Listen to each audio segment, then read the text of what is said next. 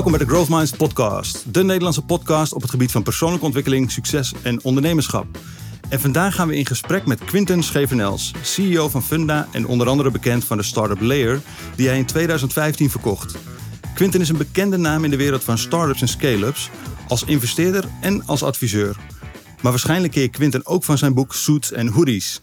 Wat by the way echt een aanrader is om te lezen als je een ondernemer bent. Quinten, welkom in onze podcast. Nou, leuk om erbij te zijn. Ja, super tof om u vandaag in onze podcast te hebben.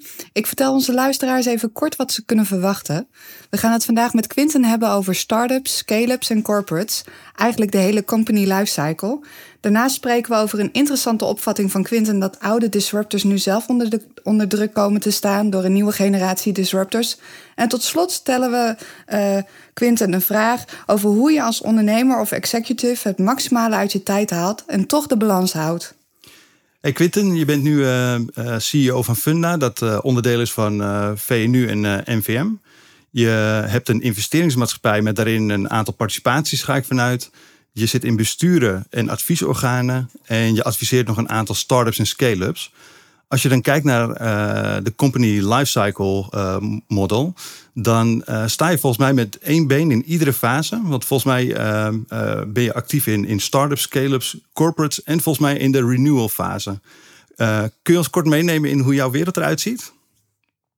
Ja, nou ja, zo, zo divers als je het zelf, zelf omschrijft. Dus ik heb inderdaad, ja, ik zou eigenlijk willen zeggen, door, nou niet helemaal door de dag heen, want dat wordt een beetje rommelig, maar door de week heen heb ik wel verschillende rollen bij verschillende bedrijven. Dus dat zijn inderdaad soms hele jonge bedrijven met vier, vijf man personeel, nog weinig betalende klanten. tot Funda, wat natuurlijk een heel volwassen bedrijf is, maar ook bescheiden qua omvang, hè, 150 medewerkers zo'n beetje. Uh, maar ook commissaris bij uh, bedrijven die uh, veel groter zijn, meer dan een miljard omzet, noem maar op. Wat ze wel allemaal met elkaar gemeen hebben, is dat het, het heeft natuurlijk ook een beetje met mijn eigen profiel te maken, dat het wel overal echt gaat over ehm, groei, innovatie, transformatie in, in een wereld waar digitaal eigenlijk het nieuwe normaal is geworden. Ja, dat is wel interessant, want uh, vooraf aan, uh, aan, deze podcast hadden Marjella en ik een, uh, een, discussie. En ik zag hem laatst op LinkedIn ook al voorbij komen. Want op LinkedIn zag ik iemand op een gegeven moment zeggen: Jij, jij deed volgens mij een oproep voor een nieuwe medewerker.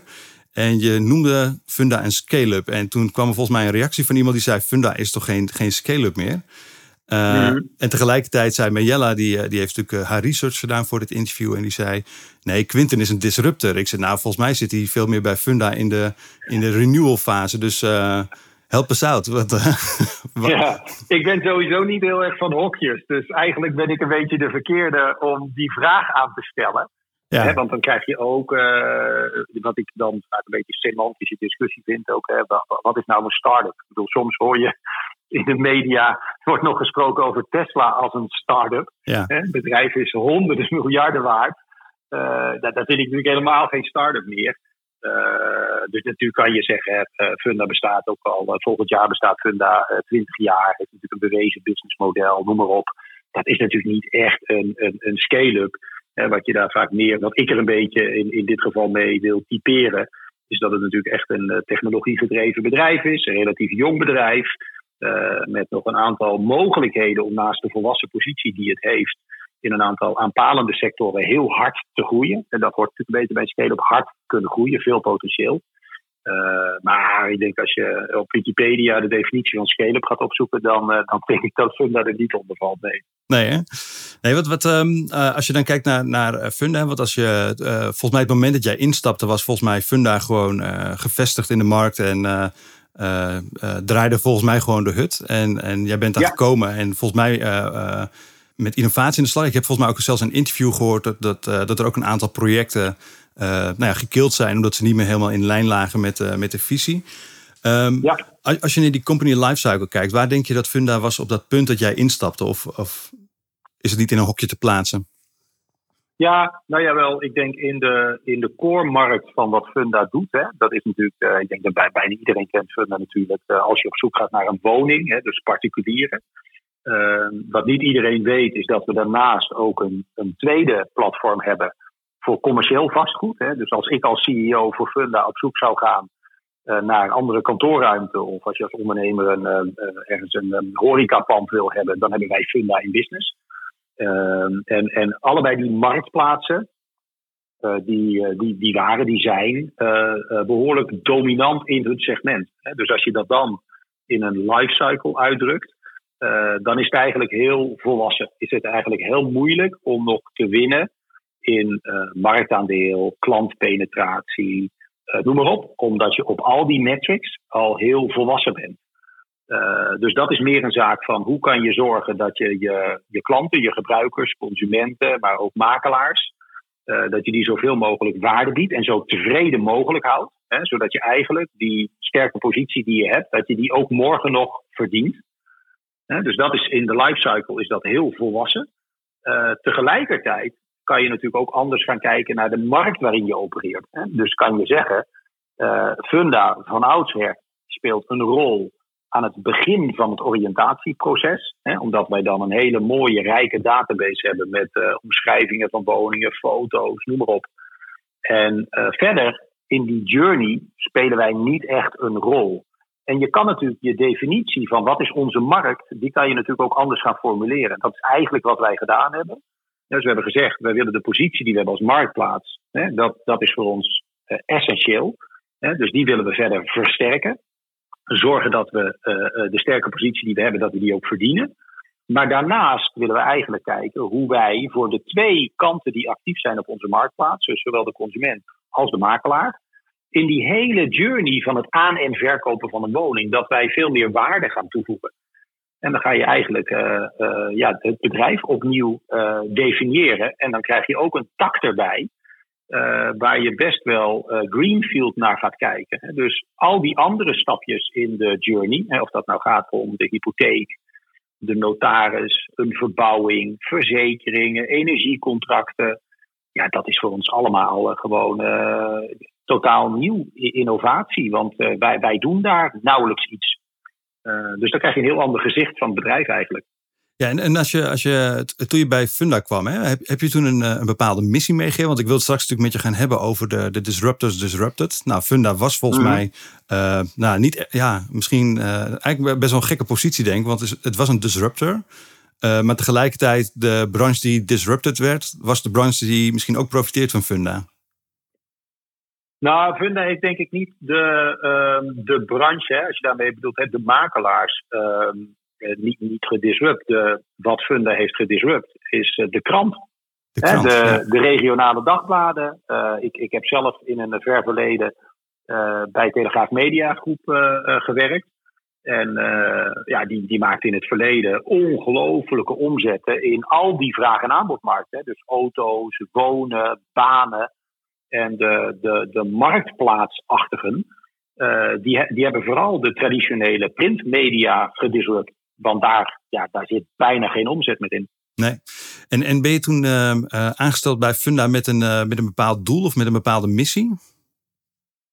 Nou, eigenlijk het belangrijkste, de gesprekken die ik destijds had met het Raad van Commissarissen en ook met de aandeelhouders. Hè, dus één aandeelhouder is de NVM Holding, de andere aandeelhouder is een, een stak. Uh, waren vooral gericht op ehm, inderdaad dat wat Funda is en wat je daar uh, naar de toekomst allemaal nog aan zou kunnen toevoegen. dus dat was voor mij in de gesprekken die ik uh, toen ook had, in dat proces natuurlijk ook een hele belangrijke. Je kan er natuurlijk strategisch voor kiezen dat je vooral wil dat Funda zijn positie als marktplaats versterkt en daar eigenlijk geen andere dingen bij gaat doen. Dat is op zich een hele valide keuze als je die maakt. Dat past natuurlijk niet bij mijn uh, profiel. Uh, maar je kan ook vanuit wat Funda is, kan je het nog veel groter proberen te maken. Nou ja, en als je daarin gelooft, dan, uh, dan past mijn profiel een stuk beter. Nou ja, de, uiteindelijk heeft men mij benoemd en heb ik hiervoor gekozen. Dus ik denk dat duidelijk is hoe daarnaar werd gekeken. Als je kijkt uh, toen je bij Funda binnenkwam, hè, wat, uh, wat, wat trof je aan en wat waren de, de eerste stappen die, uh, die je hebt gezet om, om die nieuwe weg in te slaan? Nou, je, dat blijft altijd raar, vind ik. Hè. Je voert dan natuurlijk um, uh, gesprekken met, uh, met commissarissen en verderop in het traject met aandeelhouders. En dan ontmoet je als je CEO wordt, ontmoet je ook nog een keer de ondernemingsraad. en dan weet je redelijk wat. maar als je echt begint, dan, dan weet je het pas echt. dus wat je in de eerste, wat ik dan in de eerste weken heb gedaan, is dat ik natuurlijk gewoon veel tijd ben gaan doorbrengen met mijn eigen team, het managementteam. Uh, ik heb een enorme stapel papieren verzameld, eigenlijk van alle plannen die er in het verleden gemaakt waren, rapportages zoals die door het bedrijf heen gingen, uh, de jaarverslagen, nou noem maar op. Tot en met de, de oprichtingsakte van, van Funda. om dat gewoon allemaal eens te lezen, te bekijken. Ik ben in de eerste weken heb ik verschillende sessies georganiseerd. Hè, corona was er nog niet, dus dat deed allemaal op kantoor. Uh, dat noemde ik dan Ask Me Anything sessies, waarin ik uh, groepjes van, van, van mensen van Funda ontmoette. En ik kon ze wat vertellen over mezelf. Zij konden vragen stellen aan mij. zij konden ook gewoon aangeven welke dingen hun bezig hielden. En zo had ik eigenlijk na, ik denk vier, zes weken, had ik wel een redelijk goed beeld van waar het bedrijf stond. En de, de dingen die het meest opvielen was één, ook als je niveau dieper ging kijken naar de metrics en zo de bevestiging dat Funda gewoon echt een hele sterke positie heeft in, eh, in de Nederlandse markt. Dus dat was heel fijn. Hè? Dat nam ik al aan. Maar ik had natuurlijk nooit zoveel detail gezien. Ik was een beetje verbaasd over Funda en Business. Ik had niet gedacht dat dat zo'n sterke, uh, zo'n sterk platform was naast het, het wonenplatform. Dus dat vond ik eigenlijk een hele aangename verrassing. Uh, en iets wat ik niet helemaal had verwacht, wat me een beetje tegenviel, is dat ik vond dat er ontzettend veel verschillende ideeën waren. Op zich ook best wel uh, leuke en goede ideeën, maar heel weinig samenhang in de strategie.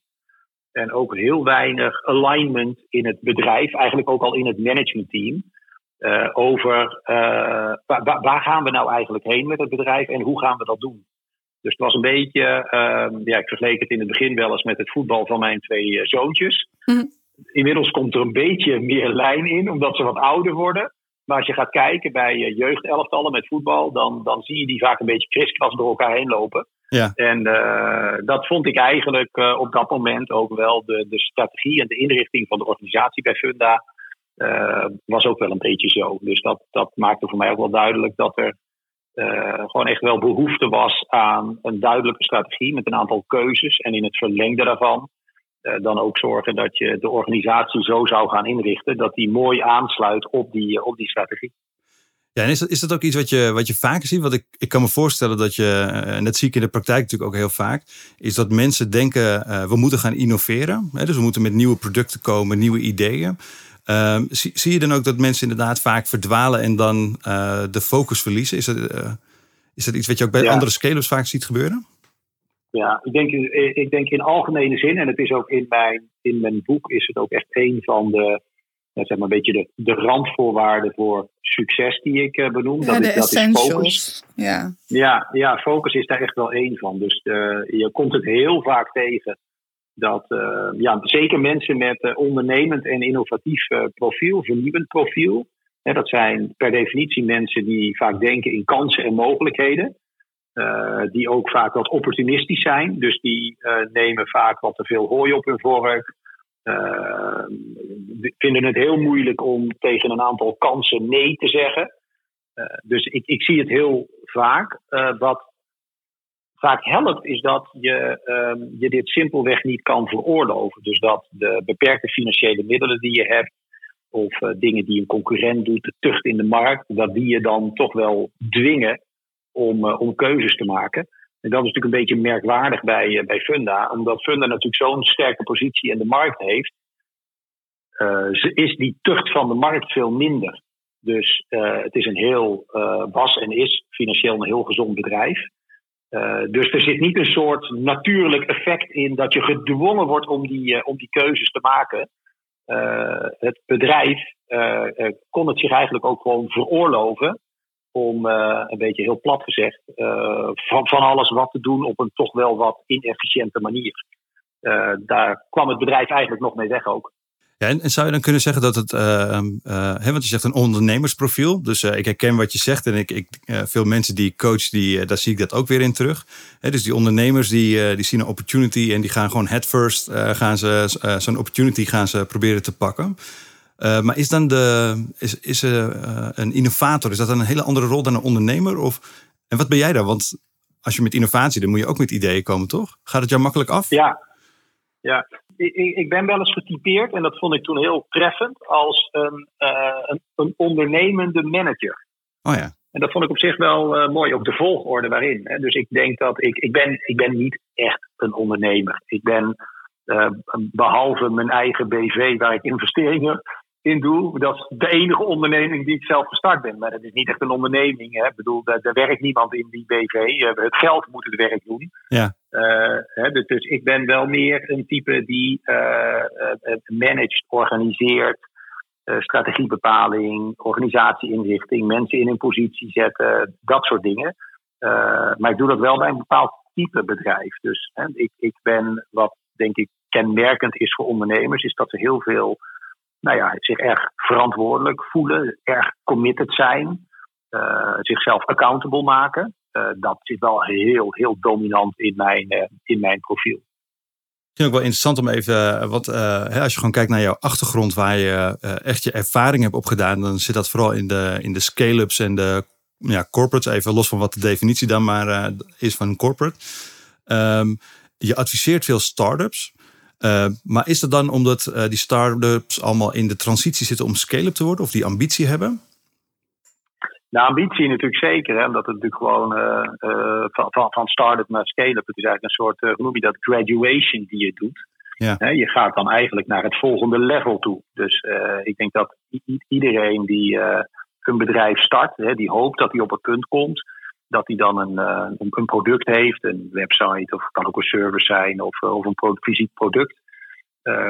waar, waar klanten enthousiast van worden en dat hij dan op het punt komt dat hij zegt: Oké, nu moeten we dit gaan opschalen. Hè? Nu wil ik dit breder gaan uitrollen. En nou moet ik processen efficiënter maken, mensen gaan aannemen, funding ophalen, noem maar op. En dus ik denk dat dat het doel is van iedere ondernemer die een, die een bedrijf start. En ja, dat betekent eigenlijk ook die, die overgang van startend bedrijf naar scale-up. Dat is best wel een specifieke fase met zijn eigen uitdagingen en zo. En ik heb dat een aantal keer heb ik dat gewoon uh, nou ja, zelf daadwerkelijk de verantwoordelijkheid ervoor gehad om dat, uh, om dat te managen. Uh, dus ik, ik ben wat dat betreft een beetje ervaringsdeskundige en met ja, de dingen die je fout kan doen. Wat mij heel erg opviel toen je vertelde over um, hè, hoe jij Funda inrolde, is dat je je echt helemaal onder lijkt te dompelen in zo'n organisatie met alles wat je daar maar kan krijgen aan informatie, dat neem je tot je. Is dat, is dat een strategie voor jou? Je komt, daar, je komt een bedrijf binnen, of het nou een start-up is, een scale-up, of, een, hè, of je daar bij een corporate aan wordt genomen. Je komt daar binnen en je gaat je helemaal onderdompelen in dat bedrijf. Is dat, is dat iets wat je bewust doet of altijd doet? Nee, is wel heel afhankelijk van de, de rol die je hebt. Hè. Dus bij, bij Funda, dan, dan, hè, ik ben statutair bestuurder, de CEO. Dus ik doe dit ook uh, het grootste deel van mijn week ben ik bezig met Funda. Dus dan is het voor mij ook echt heel erg belangrijk om dat heel goed te snappen. Zeker in zo'n beginfase. Dat ik op basis daarvan eigenlijk een soort röntgenfoto maak van het bedrijf en zijn strategie en de mensen, noem maar op dat ik gewoon heel goed weet van hoe steekt dit in elkaar en waar, waar, gaan we dan mee aan de slag. Meestal als, uh, nou ja, als je ergens investeert, dan doe je dat natuurlijk ook wel een beetje, omdat je natuurlijk wil weten waar investeer ik in, wat is de kwaliteit van de mensen, noem maar op een beetje ja, due diligence-achtig. Ja. Uh, maar eigenlijk heb ik nooit de tijd nee. om echt zo diep te gaan. Dus dan heb je toch wel een andere, een, een andere rol en een andere toegevoegde waarde uh, dan als je dag in dag uit ergens mee bezig bent. Maar hoe pak je dat dan aan op het moment dat jij denkt van nou, ik, ik vind dat een interessant bedrijf om in te investeren. Uh, hoe uh, krijg je dan voor jezelf duidelijk van nou, ik kan daar die rol invullen en toch nog waarde creëren of het verschil maken zonder dat ik me dat ik zodanig investeer als bijvoorbeeld in Funda mijn tijd? Dat is op zich een goede vraag, want ik heb dat eigenlijk een beetje onderweg geleerd. Uh, dus uh, toen ik net begon met investeren, nu denk ik zo zes, zeven jaar geleden. Uh, toen heb ik in het begin ook wel geïnvesteerd in een aantal clubjes. Hè. Dan zat ik met uh, het founder team, de ondernemers. en daar was ik best wel enthousiast over. Maar misschien miste die een paar dingen die uiteindelijk voor het succes van het bedrijf belangrijk waren. Ik geloofde wel in het product waar ze mee bezig waren. En dan dacht ik, nou weet je wat, ik kan wel investeren. En ze komen misschien op het gebied van marketing of wat dan ook, komen ze wat tekort. Maar daar kan ik ze dan wel bij helpen. Ja. En daar ben ik behoorlijk van teruggekomen. Dat, ehm, dat is, ik vind het niet goed als een investeerder hè, dat het succes van de onderneming op een aantal cruciale functies of vakgebieden te afhankelijk is van een van de investeerders. Uh, en tegelijkertijd is dat ook uh, agenda technisch eigenlijk helemaal niet, niet te doen. En als je ergens investeert en je hebt een heel klein belang in zo'n bedrijf, is het ook helemaal niet verantwoord om dan een soort interim marketingdirecteur of misschien wel CEO te zijn. wat je eigenlijk doet, je bent een beetje je bent enorm aan het compenseren voor het team. Dus ik heb wel een beetje de hard way. Heb mhm. ik voor mezelf in ieder geval besloten dat dat niet de manier is hoe ik wil investeren. He, dus ik wil graag investeren in sectoren die ik ken. Ja, precies. Omdat ik dan redelijk goed kan inschatten of het product kans van slagen heeft. welke metrics je moet bekijken. Maar ook omdat ik dan, doordat ik meer kennis van die markten heb, waarschijnlijk ook een relevant netwerk in die markten, kan ik relatief eenvoudig, hè, zonder dat ik me daar verder nog in hoef te verdiepen, want dat heb ik in het verleden al gedaan, uh, kan ik dan ook zo'n team helpen. Ja, het verschil maken. Ja. Ja, ja, maar dat is dan meer dus uh, als uh, sparringpartner of misschien met wat introducties. maar dat is veel minder intensief dan dat je dus gaat compenseren voor de product owner die ze niet hebben zitten of zo. Ja, en wat ik nog wel benieuwd naar ben, is even, even dat stapje terug zeg maar, naar die start-ups. Want ik weet nog dat ik voor het eerst mijn, mijn eerste bureau met personeel opbouwde. Was een internetbureau en toen had ik ook een mentor. En ik weet dat ik verrast werd door zijn advies toen hij zei van ja, je moet nu al beginnen met processen bouwen. Terwijl we eigenlijk met een man of acht nog echt aan het pionieren waren voor mijn gevoel. En hij zei van weet je, als je, als je gaat schalen, dan, dan moet je zorgen dat, dat je vroeg begint met processen. Wat, hoe, hoe kijk jij daarnaar bij, bij start-ups? Wat is het punt waarop je eigenlijk het fundamental gaat bouwen van een start-up en waar begin je dan eigenlijk mee? Nou, je hebt een, uh, ik weet niet of je die kent, de, uh, dat is zo'n uh, college-reeks van Reid Hoffman, de, de founder van LinkedIn en ook nou ja, zo'n echt hele gerenommeerde Silicon Valley investeerder. Ja. En daar heeft hij volgens mij op Stanford heeft hij zo'n college-reeks. En dat is, dacht ik, volgens mij heet dat blitzscaling of zo. En dat, daar ongelooflijk interessant. Allemaal op YouTube. zijn volgens mij twintig colleges. Echt super interessante content. Met allemaal interessante gasten. maar wat, ze, wat hij daar eigenlijk vertelt aan het begin. Is dat er een aantal fases zijn, zeg maar, waar een start-up doorheen gaat. En die koppelen ze daar vooral aan het aantal uh, mensen dat je hebt. Hè. Dus tussen de 10 en de 20, hè, dan krijg je een omslagpunt. Dan ga je een beetje andere fase krijgen. Want dan ga je mensen krijgen die ook meer in dienst komen en niet meer per se bij een heel jong risicovol bedrijfje. Dus dan ga je de eerste mensen krijgen die zich een beetje meer als werknemer gaan gedragen. Bij 50 krijg je nog zo'n omslagpunt. Bij 100, nou zo definiëren ze een aantal van die omslagpunten. En die omslagpunten komen ieder ook weer met hun eigen uh, uitdagingen. En als je bijvoorbeeld hè, uh, uh, van, van, van 20 naar 30, 40, 50 man gaat groeien. En je hebt een aantal processen niet op orde. betekent met de omvang van zo'n bedrijf dat je een aantal managementfuncties waarschijnlijk gaat creëren. Ja, dan zal je toch er heel erg over moeten nadenken van hoe gaat dat team dan functioneren? Hoe voorkom ik dat uh, iedereen een beetje een algemene rol heeft, weinig accountability, en dat het heel inefficiënt wordt en alles door elkaar heen gaat lopen. Dus je moet eigenlijk van uh, fase naar fase moet je bepalen van wat zijn de dingen die dan nu relevant gaan worden. Nou, dat leggen ze eigenlijk in die, in, die hele, in die hele reeks van dat college. Gaan ze daar heel diep op in. Dat vond ik echt super interessant. Ja, ik, ik zal een linkje opnemen in de show notes. Want ik, uh, ik ben ook echt fan van de podcast. Uh, die, die heet volgens mij ook Blitzscaling van uh, Reed Hoffman. Ja, ja. En dat is een van de weinige podcasts die ik, die ik heel consequent luister. Echt een fantastische podcast. dus dat neem ik even op in de show notes. Um, Waar ik wel even, wat ik ook nog um, weet uit die fase was dat ik, um, en ik ben wel benieuwd hoe jij daarnaar kijkt, is dat ik in het begin heel erg moest wennen aan het feit dat je als ondernemer ook een soort van lifecycle hebt binnen de onderneming. Tenminste, niet iedereen, maar uh, ik heb wel gemerkt dat, uh, dat op een gegeven moment als ondernemer ja, dan, dan, dan, dan moet je of meegroeien of je moet eruit. En het, het verraste me eigenlijk achteraf, want ik had ook een investeerder in het bedrijf dat dat eigenlijk wel een soort van uh, gemeen, ja, hoe moet je zeggen, een soort van gedachtegoed ook onder investeerders is. Hè? Van de ondernemer brengt het tot hier en misschien groeit hij mee en misschien ook niet. Uh, en dan moet er een andere man op de tent. Ja, ja, ja, dit zijn de moeilijkste uh, omslagpunten, omdat daar natuurlijk ook heel veel, ja, toch wel emotie vaak bij komt. dus dat is een, dat is, ik denk dat heel veel succesvolle bedrijven uh, in de dop uh, daar zeg maar kapot op kunnen gaan of enorme vertraging oplopen of juist enorme versnelling krijgen. dat is natuurlijk best wel lastig. Hè? Je bent, als je begint met drie founders, begin een bedrijf, je neemt een paar mensen aan. die drie founders hebben waarschijnlijk een beetje overlap qua, qua rollen. Ieder een beetje hun eigen dingen. En dan ga je naar 10, 20 man. Ja, dan moet je, hè, wordt dan een van die founders de CEO? Of managen ze dat dan met z'n drieën? Hoe doen ze dat? Kwalificeert überhaupt iemand van hun zich uh, als CEO? En een CEO van een bedrijf van uh, 15, 20 man is ook weer heel anders hè, dan als je uh, verderop 100 man hebt. En als je binnen dat founder-team één hele goede developer hebt, ja, dan heb je straks een development van 10, 15 man. Ja, dan heb je een head of engineering of een CTO. Kan die founder dat dan ook? En als die dat dan niet kan, is dat niet heel raar als een founder dan uh, eigenlijk gewoon één van de developers is. Hoe voelt die founder zich daar dan bij? Hoe kijkt de rest van het bedrijf daarheen? Dus dat is heel, um, ja, dat is heel erg lastig. En het is een zeldzaamheid. Ja, ik heb, uh, mijn, mijn, eerste werkgever was, was Randstad, was ik helemaal geen technologiebedrijf.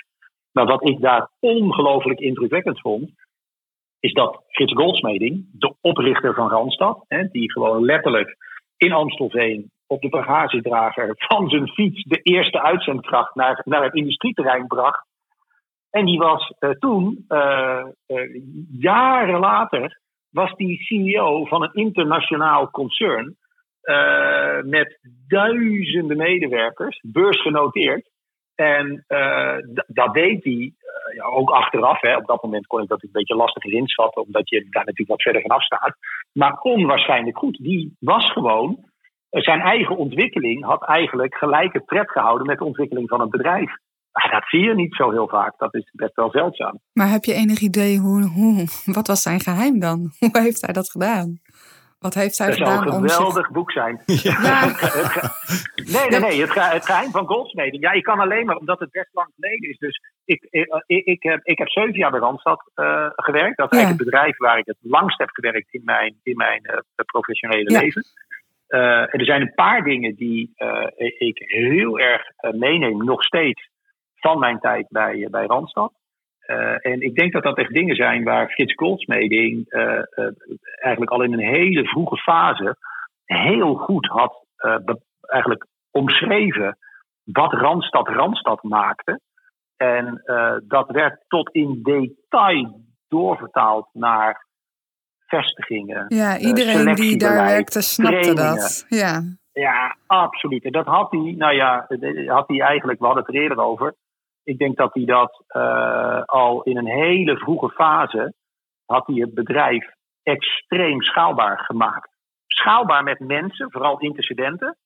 Uh, maar in die tijd, er was geen technologie was dat wel gewoon een copy-paste model. Dus gewoon heel veel vestigingen openen, intercedenten, een beetje hetzelfde profiel mensen, zelfde metrics, heel transparant, hetzelfde trainingsprogramma erop.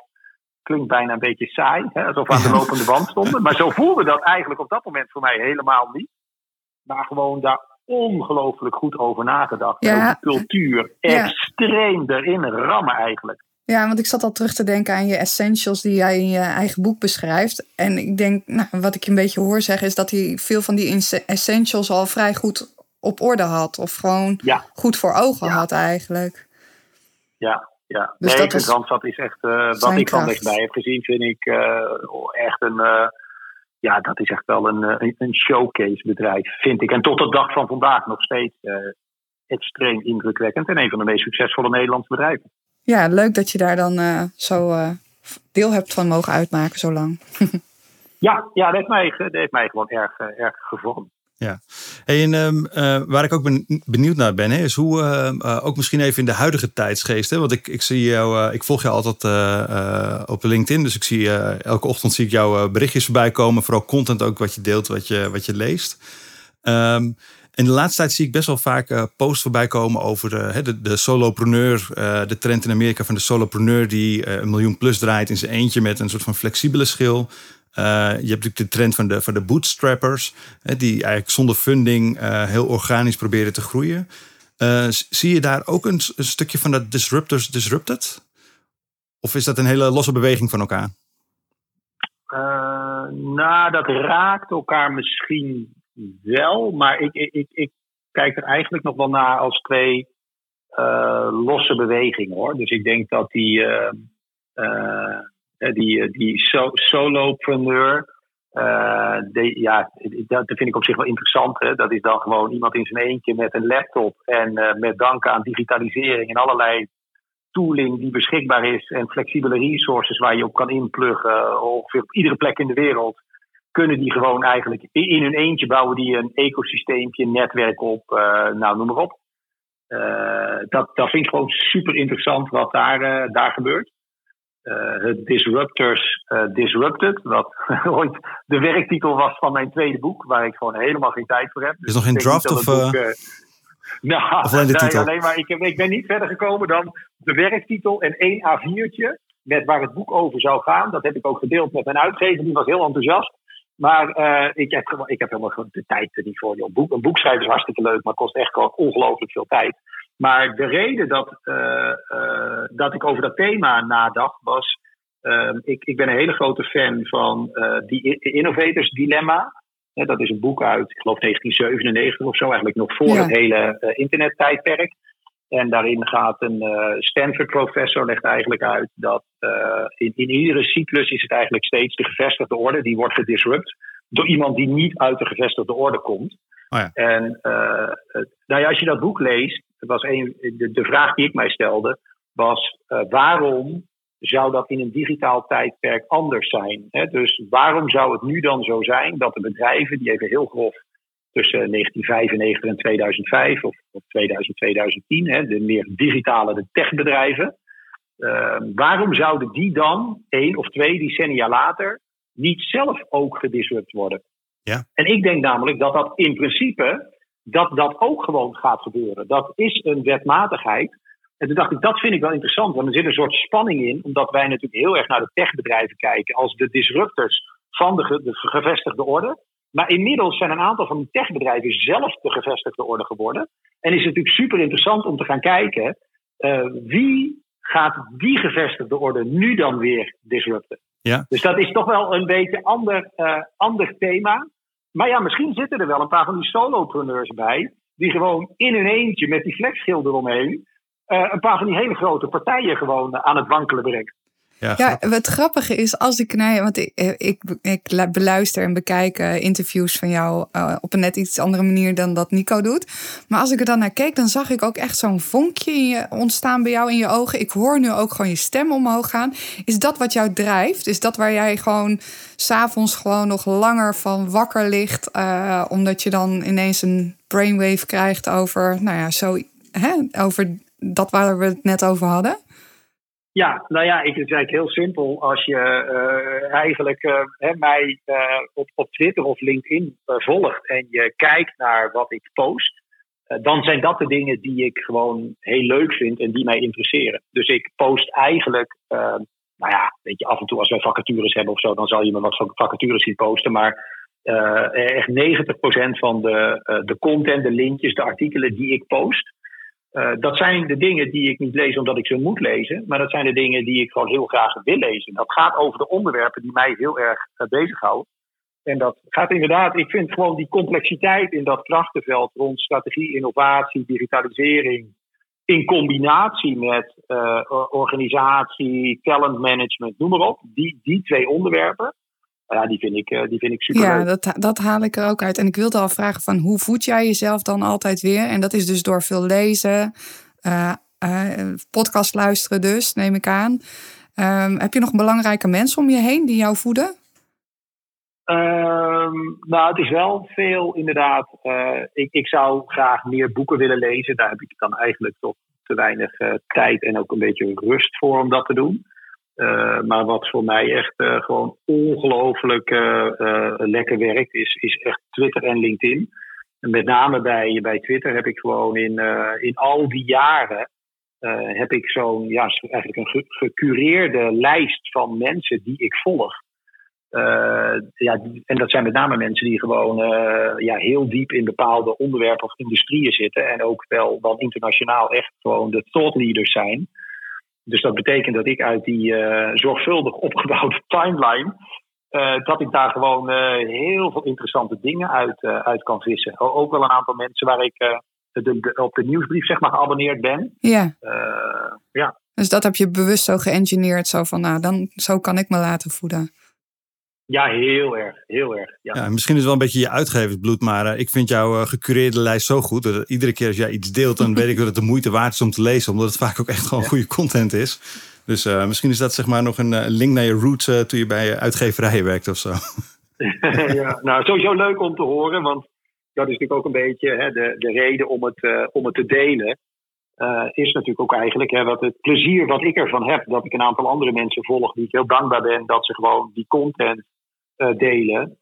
het is natuurlijk ook gewoon heel leuk als ik dat ook een beetje kan teruggeven. Hè, dat, dat andere mensen dan ook denken: oh, dat vind ik wel interessant. Dat vind ik wel leuk om te lezen. En die kunnen dat dan ook weer verder delen. Zo is dat toch een beetje dat we met elkaar interessante content delen en uh, cureren. Ja, nou, wat gewaardeerd aan deze kant in ieder geval. Um, ik, uh, ik ben ook nog even benieuwd, want uh, hey, uh, we zitten natuurlijk nu in een best wel gekke situatie, ook met het hele corona. En ik, ik, ben wel benieuwd, hoe, hoe kijk jij, ehm, want ik weet dat jij het ook volgt. Hoe, hoe kijk jij naar die wereld? En, en zie je daar ook nog iets veranderen als het gaat over start-ups en scale-ups? Bijvoorbeeld in het, het vinden van funding of ehm, iets in die domeinen?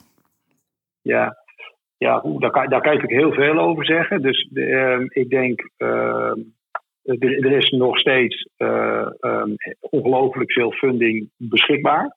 Dus eh, ik denk dat de hele uh, coronacrisis waarin we zitten er niet toe heeft geleid. En ik denk ook niet toe gaat leiden dat er veel minder funding beschikbaar zal zijn voor, voor start-ups. Dus dat is op zich goed nieuws ik denk wel dat er door de dynamiek, zeg maar, de effecten van die coronacrisis, dat er natuurlijk een categorie start-ups is die in één keer de wind vol in de rug heeft gekregen.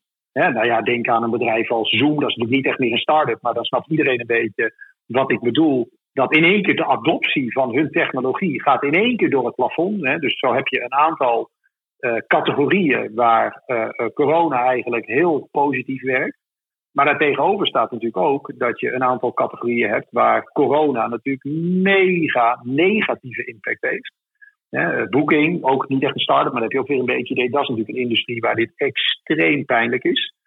Uh, dus het betekent denk ik wel dat een aantal uh, concepten waar ondernemers mee bezig zijn en waar investeerders in hebben geïnvesteerd of nu naar kijken, dat de, de markt, de dynamiek en het potentieel uh, dat, dat je dat wel op een hele andere manier gaat, gaat bekijken. Dus ik denk dat dat wel, dat speelt echt wel een rol. Ja, want als je, als je kijkt naar, ik moet zeggen, ik heb geen statistiek of zo, maar als je gewoon kijkt natuurlijk van wat er, je ziet hele grote bedrijven omvallen. maar over het algemeen vrij weinig technologie. Zou dat, zou dat komen door de goede balans tussen inkomsten per medewerker? Of hoe kijk jij daarnaar? Mm, nou, Kijk, er zit natuurlijk sowieso uh, dat er, als je een beetje heel hard de splitsing maakt tussen de traditionele wereld en meer de technologiewereld, dat er altijd in die uh, traditionele wereld uh, wat spectaculairdere faillissementen zijn. Waar gewoon, weet je, merken die decennia lang bekend waren, waar heel veel mensen bij werken. We hebben natuurlijk VND gehad, weet je, dat is dan meteen heel groot, komt dat in de krant. Hè, of KLM die mensen moet gaan ontslaan. Uh, bij technologie, dat is in algemene zin natuurlijk een, een markt die, uh, waar gewoon meer groei in zit. Dus ik denk om die reden dat je ook minder grote faillissementen krijgt. Uh, en ik denk dat je heel veel faillissementen hebt, of gewoon bedrijven die stoppen in die hele vroege fase. Maar die, die halen het niet op de voorpagina van nu.nl of, of de krant. Nee, uh, want het is dan gewoon een startend bedrijfje, niemand kent het nog. Er werkte elf man personeel en ze sluiten de deur en dat was het dan. Ja. Uh, dus ik denk dat er, uh, dat was ook wel een beetje de aanleiding van, van het boek dat ik heb geschreven, nou, inmiddels al een aantal jaar geleden. Ik denk dat er heel veel ehm, verborgen verdriet zit in die vroege fase van, van start-ups. Er gaan er gewoon ongelooflijk veel failliet of weet je, een founder team dat vijf jaar lang keihard ergens aan heeft gewerkt. Gedurende die vijf jaar 0 euro inkomsten heeft gehad. En dan uiteindelijk valt het doek. En misschien dat het, uh, de sociale omgeving dacht: oh wat gaaf, die zijn bezig met een start-up en uh, noem maar op.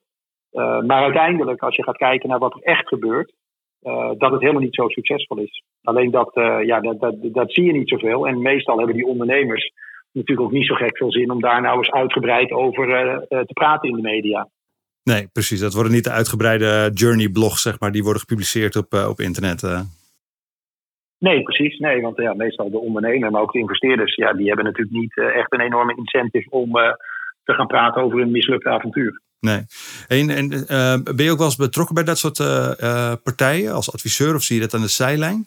En, en kun je eh, misschien, is er iets waarvan je zegt van nou, dit, is, dit zijn vaak de, de belangrijkste redenen waarom bijvoorbeeld een start-up het niet redt, bijvoorbeeld, of in de problemen komt? Ja, ja er is ook uh, onderzoek naar gedaan, meerdere onderzoeken. Dan eigenlijk kijken van nou ja, de start-ups die het niet halen, hoe, hoe komt dat dan? En eigenlijk de, niet heel verrassend hoor, maar de, de, echte belangrijkste reden is dat het um, eigenlijk het, het, team niet lukt om een, een, eigenlijk een oplossing te maken voor een probleem dat de moeite waard is om op te lossen. Dus dat het echt draait om uh, ja, wat ik dan altijd noem die problem-solution fit. Dus dat kan ofwel zijn omdat het team gewoon bezig is met een probleem wat eigenlijk helemaal niet de moeite waard is om op te lossen. En dus als je daar dan een oplossing voor hebt, dan ja, halen mensen hun schouder op die zeggen: Nou ja, leuk dat je dat hebt opgelost, maar ik vond het eigenlijk helemaal niet zo'n probleem. Of dat je wel een uh, serieus probleem te pakken hebt, uh, maar dat de manier hoe je het oplost, dus het product dat je ontwikkeld hebt, die zeggen: Ja, die is echt wel een probleem voor mij, maar leuk wat je gemaakt hebt, dat lost dat probleem voor mij gewoon niet op. En uh, dat vind ik ook zelf eigenlijk. De meeste bedrijven waar ik dan investeer, die zitten ook een beetje qua levensfase op dat punt van: gaat het je lukken om bij dat probleem wat je te pakken hebt, om daar ook echt een beetje schaalbare oplossing voor te bedenken. Of niet, waar je klanten echt tevreden over zijn. En dat is uh, super, super moeilijk. Ja, precies. Dus dat is eigenlijk, uh, uh, want in de, in de boeken staat natuurlijk heel vaak mooi als inderdaad de product market fit vinden. Ehm, maar, maar, zou je dat dan moeten accepteren als start-up founder dat uh, het risico bestaat dat je uh, dus niet zeg maar, op dat punt komt waarin je nou, in ieder geval genoeg massa kan creëren om, uh, om een, een levensvatbare start-up te bouwen? dat je dan zou moeten accepteren dat je ergens ook de stekker eruit kan trekken? Of? Ja, ja, ja, en beter vroeger dan later. En dit, is een, dit staat een beetje op gespannen voet. Met dat je natuurlijk, ehm, en dat hoor je ook heel veel succesvolle ondernemers zeggen, je moet natuurlijk wel echt uh, uh, volharden en, en committed zijn om er een succes van te maken. dus als je echt iets nieuws in de markt gaat zetten, dan moet je mensen overtuigen. En dan moet je heel veel tijd en energie erin investeren om uit te vogelen van ja, maar hoe gaan we het nou precies oplossen? dat klopt, maar je moet ook wel um, nou ja, voor jezelf een aantal dingen geformuleerd hebben dat als dat niet lukt, uh, dan, moet je, dan moet je ook het lef hebben om gewoon te stoppen. Of wat ze dan zo mooi noemen, te pivoten. Hè, echt je model gewoon om te gooien. Ja, precies. Um, dus niet te, niet te makkelijk stoppen, maar je moet wel. Ja, en ik vind echt van, uh, die, die vraag is voor mij echt, uh, nou ja, die in de loop der jaren dus um, super belangrijk geworden. Gewoon, welk probleem los je nou eigenlijk? Welk probleem willen jullie als ondernemers nou eigenlijk oplossen? En wie heeft dat probleem dan precies? Hoe, hoe, hoeveel, hoeveel, mensen, hoeveel bedrijven zijn dat? Hoeveel pijn doet dat? Is dat heel kostbaar? Dus hoe proberen ze het nu dan op te lossen? Ja, maar die vraag die jij nu stelt, dat is natuurlijk voor een ondernemer die op een gegeven moment zo in zijn start-up zit en zo ontzettend keihard aan het werken is aan dat product. En om dat maar 100% uh, of nou ja, hè, knalgoed in de markt te zetten. Dat je daar zo je in kwijtraakt. Dat je die vraag ook dan weer gesteld moet worden. Ook vaak door een ander. Om maar weer duidelijk te krijgen. Oh ja, waar was ik nou eigenlijk in essentie mee bezig? En slaagt dat eigenlijk wel? Hè, zit ik, exact. Ja, dus dat. Dus, en ik las ook, want jij coacht ook, ehm, of hè, je. je begeleidt ook ondernemers. Dus ik kan me voorstellen dat, dat je die, die ondernemers waar je dat bij doet, ook juist deze spiegel voorhoudt. Ja, dat is ook wel heel erg leuk uh, om te doen. Soms ook wel een beetje pijnlijk en ja. confronterend, maar het is heel leuk. Omdat je gaat helemaal terug naar, uh, helemaal terug naar, naar, naar de kern. Uh, en het is overigens iets, zeg eigenlijk een soort um, scriptje, een, een, trucje. Wat je natuurlijk niet alleen kan hanteren als je gewoon gaat kijken naar: is, is, is dit bedrijf echt kansrijk of niet? maar ook gewoon hier binnen Funda, hè, dat als we bezig zijn met bepaalde projecten. Ja, dat, dan kan ook de vraag stellen. En dat kan ook een project vanuit de afdeling HR zijn. Maar dat je de vraag stelt, maar waarom doen we dit eigenlijk? Welk probleem lossen we eigenlijk op dat we hier nu überhaupt met elkaar over praten? Dus want het dwingt je om eigenlijk die vraag te stellen. Is wat is nou eigenlijk het doel hiervan? En, en, en waarom dan? Ja. En dat helpt, later, we hadden het al even over focus. Dat helpt dus ook heel erg met het bepalen van je focus. Want als je daarop eigenlijk geen goed antwoord hebt, ja, dan moet je je de vraag stellen of je er überhaupt tijd en energie moet steken. En daar heb je ook weer een gezonde relatie voor nodig. Want je kunt dat soort vragen alleen maar stellen natuurlijk ook in een veilige omgeving. Hè, waar mensen elkaar ook uh, nou ja, uh, lastigere vragen durven te stellen. Of nou ja, in elkaars ruimte daar durven komen. Um, dus ja, alles hangt weer met elkaar samen. Weer die essentials van succes die in jouw boek staan. Ja. Die heb ik heel goed gelezen, dat uh, begrijp je wel. ja, waarvoor dank. Ja. Ja, wat ik me nog afvraag, uh, Quinten, is... Uh, hey, ik, ik, kan me voorstellen als je als adviseur in, ehm, in zo'n start-up zit... dan heb je daar natuurlijk een heel ander gevoel bij... dan wanneer je bijvoorbeeld als investeerder ook met geld in zit. Hè, ik kan me voorstellen dat het heel lastig is als je bij een, een start-up instapt... Waar, waar, je op een gegeven moment merkt van... nou, we hebben, een, we hebben geen product market fit kunnen vinden... we hebben een pivot gedaan, maar de funding raakt op... Ehm, hoe ga je daar dan als investeerder mee om? Kun je dat, uh, kun je dat inmiddels heel rationeel uh, gewoon besluiten? Oké, dan dan, dan houdt het voor mij hier op. Of, of blijft dat altijd ook financieel een moeilijke beslissing? Nee, emotioneel lijkt me altijd, maar... Nee, nee nou ja, dat was, ik moet zeggen dat ehm, de eerste keer dat ik inderdaad besloot van...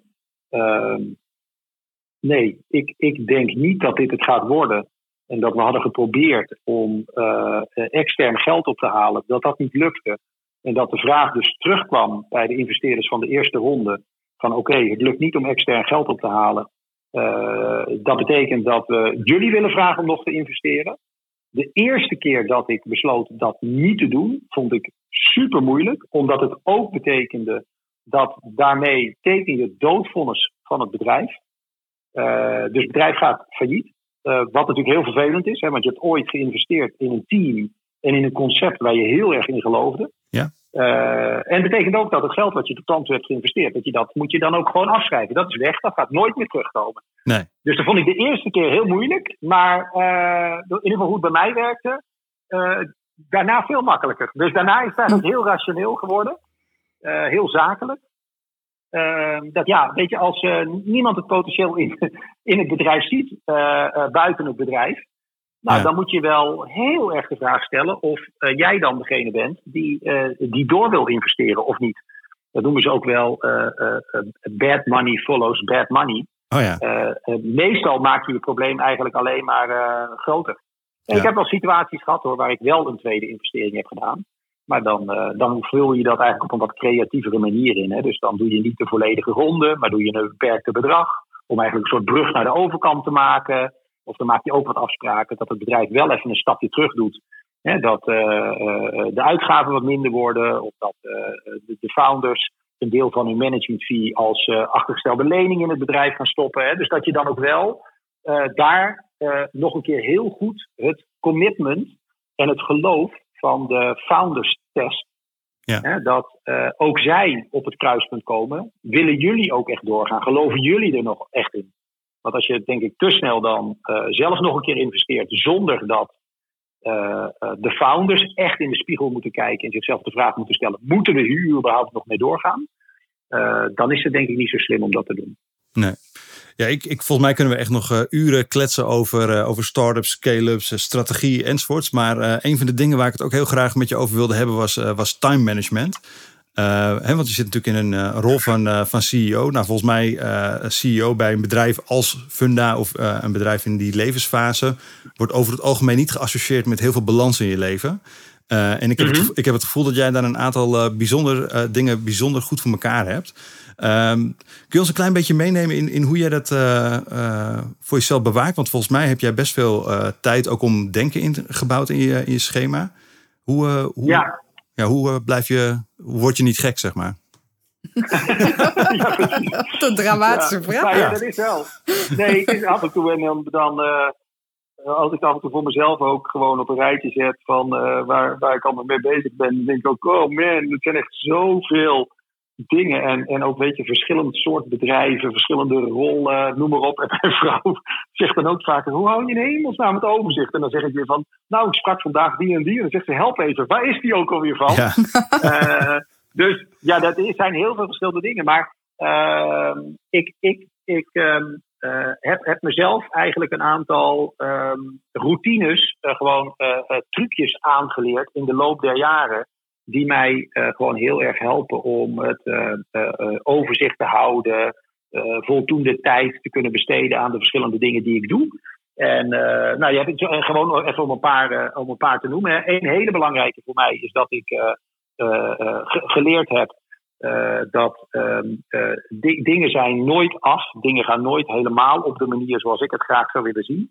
En ik heb uh, geleerd om dat te accepteren. Dus toen ik uh, met name in mijn periode bij Randstad werkte, uh, was mijn kracht bij Randstad dat ik dat nooit accepteerde, dat het niet af was, nooit accepteerde dat het niet goed was. Dus er was een enorme drive. Hè. Ik legde de lat voor mezelf heel hoog, maar ook voor mijn medewerkers. Ja. Maar op een gegeven moment krijg je zo'n span of control, dan kan dat gewoon niet meer. Dus ik heb daar vrij vroeg in mijn carrière heb ik de dure les gekregen dat je jezelf daarmee eigenlijk opblaast. Uh, dus dat, is een, uh, een mindset geweest die bij mij wel veranderd is. Dus dat ik echt weet, ik moet gewoon zorgen dat de drie, vier allerbelangrijkste dingen, daar moet ik mijn tijd en energie op richten. En als die andere dingen, minder belangrijke dingen, als die niet zo goed gaan of een beetje fout gaan, of als mensen daar misschien dan wat commentaar op hebben dat dat niet zo goed geregeld is, uh, dan heb ik daar veel minder moeite mee. En dat geeft mij zelf heel veel meer rust. En wat ik daar dan omheen eigenlijk ben gaan doen, is dat ik uh, twee keer per jaar ga ik twee of drie dagen uh, in mijn eentje uh, ergens zitten. In een hotel of nou ja, nu dan in een, in een tweede huisje wat ik heb in, in Vinkerveen. En dan ga ik eigenlijk gewoon even mijn ehm, afgelopen zes maanden reviewen. En dan ga ik een beetje mijn prioriteiten en focus voor de komende zes maanden bepalen. Dus dat is eigenlijk een soort, eh, ja, bijna een soort calibratie die ik doe. En dat doe ik over, nou ja, even nu in, hoe mijn leven vandaag eruit ziet. Dat gaat dan over funda, dat gaat over investeringen die ik doe. Uh, maar dat gaat ook over mijn privéleven, over de man die ik ben voor mijn vrouw. Uh, de dingen die ik doe om mezelf gezond te houden, ontspanning die ik heb, de vader die ik ben voor mijn kinderen. Uh, dus dan doe ik een soort algemene check-up, zou je kunnen zeggen. Hey, en, hou je dat dan uh, ook bij ja. uh, in, in de tussentijd? Dus doe je bijvoorbeeld aan journaling? Nou, heb ik wel gedaan. En, en, eigenlijk doe ik dat niet meer echt. Dus het is zeker toen ik dit de eerste keren deed, vond ik het ook heel belangrijk. Dan schreef ik het ook echt uit en zo. En als ik dan de volgende keer ging zitten, dan keek ik ook echt weer naar wat ik de, de vorige keer ook al had gedaan, zodat dat ook goed op elkaar aansloot. Uh, maar het is nu meer een soort uh, automatisme en natuurlijk iets geworden, waardoor ik ook minder de behoefte heb om dat echt zo, uh, zo uit te werken. Ja, je hebt gewoon gemerkt dat dat niet noodzakelijk is om uiteindelijk weer tot nieuwe inzichten te komen. En ehm, nou ja, dat dat, dat dat in ieder geval eh, voor jou weer katalyserend werkt, zo'n moment. Dat, dat daar is het niet voor nodig. Nee, het, het zo heel bewust doen aan het begin, dat opschrijven, hè, dat noemen ze dan dat je, hè, dan ga je eerst bewust onbekwaam en dan word je bewust bekwaam. Ja. En, en daarna word je, in ieder geval voor dit stukje, denk ik, dat ik nu eigenlijk on, nou ja, uh, nou, hoe noem je dat dan? Uh, onbewust bekwaam. Dus ik hoef er niet meer echt over na te denken. Dit, hier ben ik denk ik best wel goed in. Ja. Uh, en zo zorg ik bijvoorbeeld iedere maandagochtend. ik heb in principe maandagochtend tot half twaalf, twaalf uur, één uur heb ik gewoon echt geen afspraken staan. En dan, uh, dan, dan ben ik echt gewoon uh, een soort meer op, op wekelijkse basis even mijn, mijn, mijn check aan het doen. Ja, tof. Oké. Wij moesten stiekem een beetje lachen gisteren, Nico en ik. Want Nico zei, ja, ik weet dat Quinten die doet altijd een wekelijkse check. En hij zei, dan kijkt hij ook nog even in zijn week van... Hè, wat heeft nu echt prioriteit? Kom, hè, komt dit goed zo in die week? Hij zei, we kunnen nog een belletje verwachten... Hè, dat het hem deze week niet wordt. Zei, op maandag zeg ik heel vaak afspraken af. Dus ik zei, nou, we moeten even de mail in de gaten houden. Maar ik vond het wel heel tof dat je dat deed. Want ik kan me heel goed voorstellen dat dat heel goed helpt. Als je uh, inderdaad in zo'n week stapt waar je zoveel petten op hebt, zoveel verschillende mensen ziet en, en dingen moet doen. Dat, dat dit een hele, heel goed begin is van je week, inderdaad. Gewoon scherp hebben van: oké, gaat dit allemaal passen? Is het realistisch? Wat heeft prioriteit en dergelijke? Ja, ja en ook een beetje uh, vooruitkijken. Hè? Dus dan kijk ik ook altijd even een paar weken verder. En dan weet ik van, oké, wacht even, dan zit ik met mijn commissarissen. En uh, waar gaan we het dan over hebben? Uh, wat moet ik dan deze week al uitzetten dat iemand dat gaat voorbereiden? Dus wat ik um, heel erg um, wil voorkomen, is dat ik, ik ben heel druk, ik doe heel veel verschillende dingen. Uh, maar ik wil wel uh, vooruitwerken. Dus ik wil heel erg haast voorkomen. Ik vind haast heel, um, uh, is gewoon echt niet efficiënt. Ja, werkt ondermijnend. Uh, haast, ja. ja, maar haast is ook voor mijzelf, in, in wie ik ben en mijn systeem, is haast een hele vervelende emotie. Ik vind dat heel vervelend. Ik word daar gejaagd van, raak sneller geïrriteerd. Uh, dat is echt voor mijn eigen geluksgevoel, is haast heel slecht. En, uh, maar wat me dus heel uh, lastig lijkt, is om uh, met, met al die posities die je hebt. En ik kan me voorstellen dat, dat iedereen die iets van jou wil, doorgaans iets belangrijks heeft voor je. dan lijkt het me heel lastig om die, die maandag of die, die drie dagen, om die echt zo goed af te kaderen. En nou, bijvoorbeeld zo'n raad van bestuur of de commissarissen, die, die, ja, hoe, hoe scherm je dat af? Of heb je dat duidelijk gemaakt van tevoren dat je dat nodig hebt om te functioneren? Of hoe, heb je, hoe bescherm je dat allemaal? Ja, nou ja, ik denk dat ook mijn. Uh, ik, weet nog heel goed toen ik uh, voor het eerst, dat was, toen zat ik bij, bij VNU, dus dat is denk ik nu, dat was 10, 12 jaar geleden of zo. En toen, ik had ergens een artikel gelezen dat, dat Bill Gates, die ging dan twee keer per jaar, ging die een week weg. Om eigenlijk die, die reflectie te doen en zo. En toen dacht ik, oh, dat is cool, dat kan ik ook wel gebruiken. Dat wil ik ook een keer gaan doen.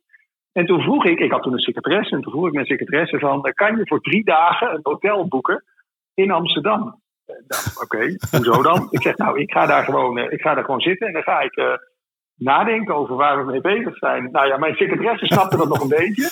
Maar toen waren er natuurlijk mensen bij VNU die wilden afspraken met mij maken. En dan zei de secretaresse, ja, die is niet in een hotel in Amsterdam. En ik voelde mijzelf ook eigenlijk heel ongemakkelijk bij het feit zat ik in, een, in een, dat mensen zich de vraag zouden stellen: wat, wat raar, je gaat in een hotel zitten en noem maar op. Dus ik, voelde, ik vond het ook heel belangrijk wat anderen daar misschien van zouden vinden en zo. En inmiddels um, heb ik gewoon zelf ervaren hoe goed dat werkt en hoeveel waarde dat, uh, dat zeg maar met zich meebrengt. En uh, ja, weet mijn omgeving gewoon dat ik dat zo, uh, zo doe. Dus uh, ja, de mensen hier bij Funda weten ook gewoon die maandagochtend. Je moet niet denken van, oh, hij heeft geen afspraak, ik kan hem lekker even bellen. Want ik neem toch niet op. Nee. Uh, dus mensen weten gewoon dat dat uh, bij mijn ritme hoort. En daar ben ik ook heel transparant over. soms, soms licht ik het ook toe, hè, dat dat voor mij goed werkt. En, en voor sommige mensen hier, hè, of je dan de maandagochtend doet, of dat iemand dat vrijdagmiddag wil doen, of dat je het zondagavond doet. Maar het kan natuurlijk ook, hè, andere mensen kunnen daar misschien ook iets aan hebben. Hè, van van hoe, hoe, hoe organiseer je dat nou eigenlijk? Nou, ik vond wat je er net zei, dat vond ik echt even een openbaring voor mezelf. Ik ben echt gewoon op het hysterische soms af met uh, dingen doen. En jij zei, ja, ik vind haast een nare emotie. En toen dacht ik, ja, inderdaad. Ik zie haast voor mezelf altijd iets als wat door de buiten, hè, buitenaf wordt gecreëerd. Doordat er van alles op me afkomt. Uh, maar nee, het is inderdaad een nare emotie. Het is iets wat je van binnenuit voelt dat je zelf niet je regie pakt over datgene wat je allemaal natuurlijk om je heen uh, hebt, wat je ja, wel moet managen, maar waar je wel regie over kan pakken. Dus ik vond het gewoon een, heel, een heel mooi inzicht. Ik dacht, nou ja, tof. Haast is inderdaad een nare emotie. Ja, ja, dat is leuk. Ja. En, hij, en hij voelt dus wat ik zei, hij voelt voor mijzelf emotioneel heel vervelend. Maar ik vind het ook altijd leuk, zeg maar, de analogie naar, uh, naar, naar sport. Hè. Je ziet ook vaak in, in sport hè, de, de echte, echte uh, topsporters die hebben ook altijd uh, tijd over. Omdat ze overzicht hebben, omdat ze rust hebben. En die hebben tijd over. Hè? Dus Federer heeft met iedere tennisbal die hij slaat tijd over. Zo'n voetballer, Frenkie de Jong, heeft overzicht. Heeft altijd tijd over. En dat geeft heel veel rust voor hunzelf. Maar ook zeker in teamsport. En dat is wat ik natuurlijk vaak doe. Ik zit eigenlijk in teamsport. Geeft dat ook gewoon heel veel rust aan de omgeving als je dat goed doet. Als ik gehaast ben, wordt iedereen in het bedrijf gehaast en onrustig. En dat is gewoon vervelend en ook niet goed. Nee, dan komt de bal niet meer aan. Ja, mooi. En, en doe je dat dan ook, uh, stimuleer je dan ook uh, bijvoorbeeld uh, je, de mensen die voor Funda werken om, om, om die rust ook in te bouwen? Of kan dat niet altijd? Hoe, hoe doe je dat voor de andere mensen? Ja, ik denk, ik denk dat het heel belangrijk is dat ieder op zijn eigen manier zeg maar, zijn momenten inbouwt. Dat hij gewoon even voor zichzelf overzicht creëert en, en, en reflectie. Maar dat is wel een beetje ook, hè, waar, zit je in je eigen ontwikkeling? Wat voor type ben je? Noem maar op. Uh, maar we hebben wel, uh, nou ja, we hebben een tijdje terug met een, uh, een, een groep mensen uit het bedrijf, toen dat vanwege corona weer, weer kon, hebben we ook echt een, een, dag gepland met een externe begeleider. Waar we het eigenlijk over een aantal onderwerpen gingen hebben. Over samenwerking tussen verschillende teams. Hoe zorgen we dat we meer focus krijgen op klanten. Eigenlijk allemaal onderwerpen waarvan je weet dat het heel moeilijk is voor mensen zelf om dat uh, door de week te plannen. Dus dan uh, plan ik gewoon een dag of een halve dag over zo'n onderwerp. Uh, waarmee ik feitelijk de ruimte en de rust creëer dat iedereen in een kamertje zit en we het over dit onderwerp gaan hebben. En dan zie ik ook heel vaak als mijn belangrijkste toegevoegde waarde is gewoon dat ik het in je agenda heb gezet. Ja. Ja. Dat ik de mensen bij elkaar verzamel die het gaan hebben over dat specifieke onderwerp waarvan ik op dat moment denk dat het voor Funda heel belangrijk is. En uh, dan is eigenlijk alles wat er dan gebeurt op zo'n dag, is dus per definitie eigenlijk al goed, vind ik. Ja, mooi. Hey, en, uh, uh, wat ik, je, je bent volgens mij heb je het op LinkedIn staan. Je bent de Biking CEO. ja, is, is, dat jouw manier om, om, om je sport in te bouwen in je dag? Of, of heb je dat op een andere manier georganiseerd? Uh, ja, nou ja, ik heb ooit de bijnaam toen ik bij, uh, bij Layer CEO was. Wij hadden zeg maar het, uh, het, het, hoofdkantoor zat in Amsterdam en we hadden natuurlijk heel veel internationale engineers daar. En die waren toen ik als CEO daar begon, waren die enorm verbaasd dat de CEO op de fiets naar kantoor kwam. dat waren ze niet echt gewend.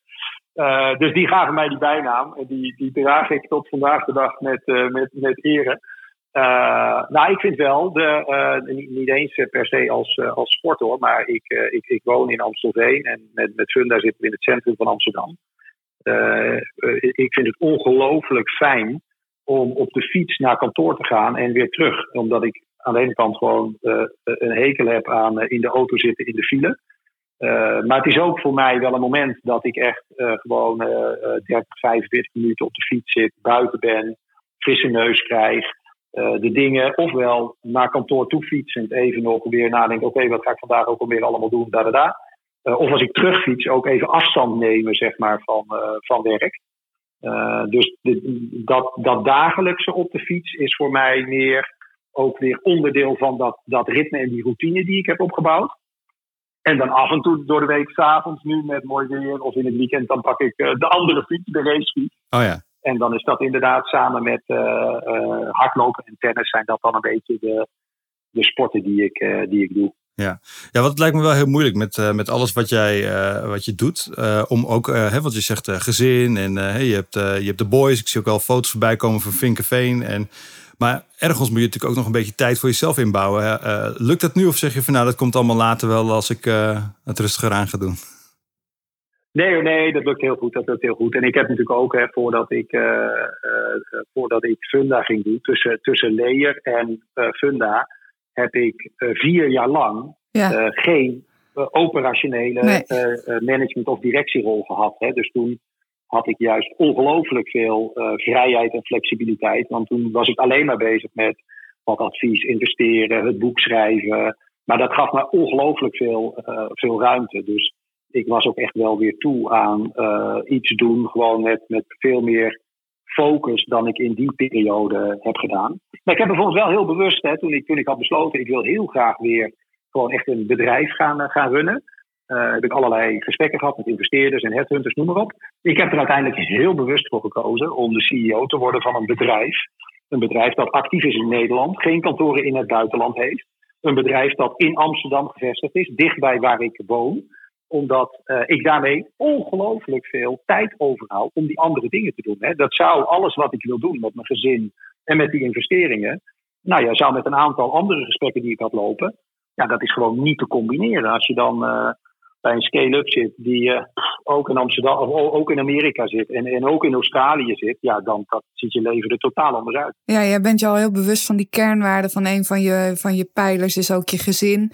En dan weet je gewoon, ja. nou, dat matcht gewoon niet met die pijler, dus dat, daar moet ik niet aankomen. Dat moet niet, uh, die kant moet ik niet op. Ja, exact. Ja, ja, ik zag ook in jouw boek schreef je volgens mij ook over je tijd uh, bij Layer.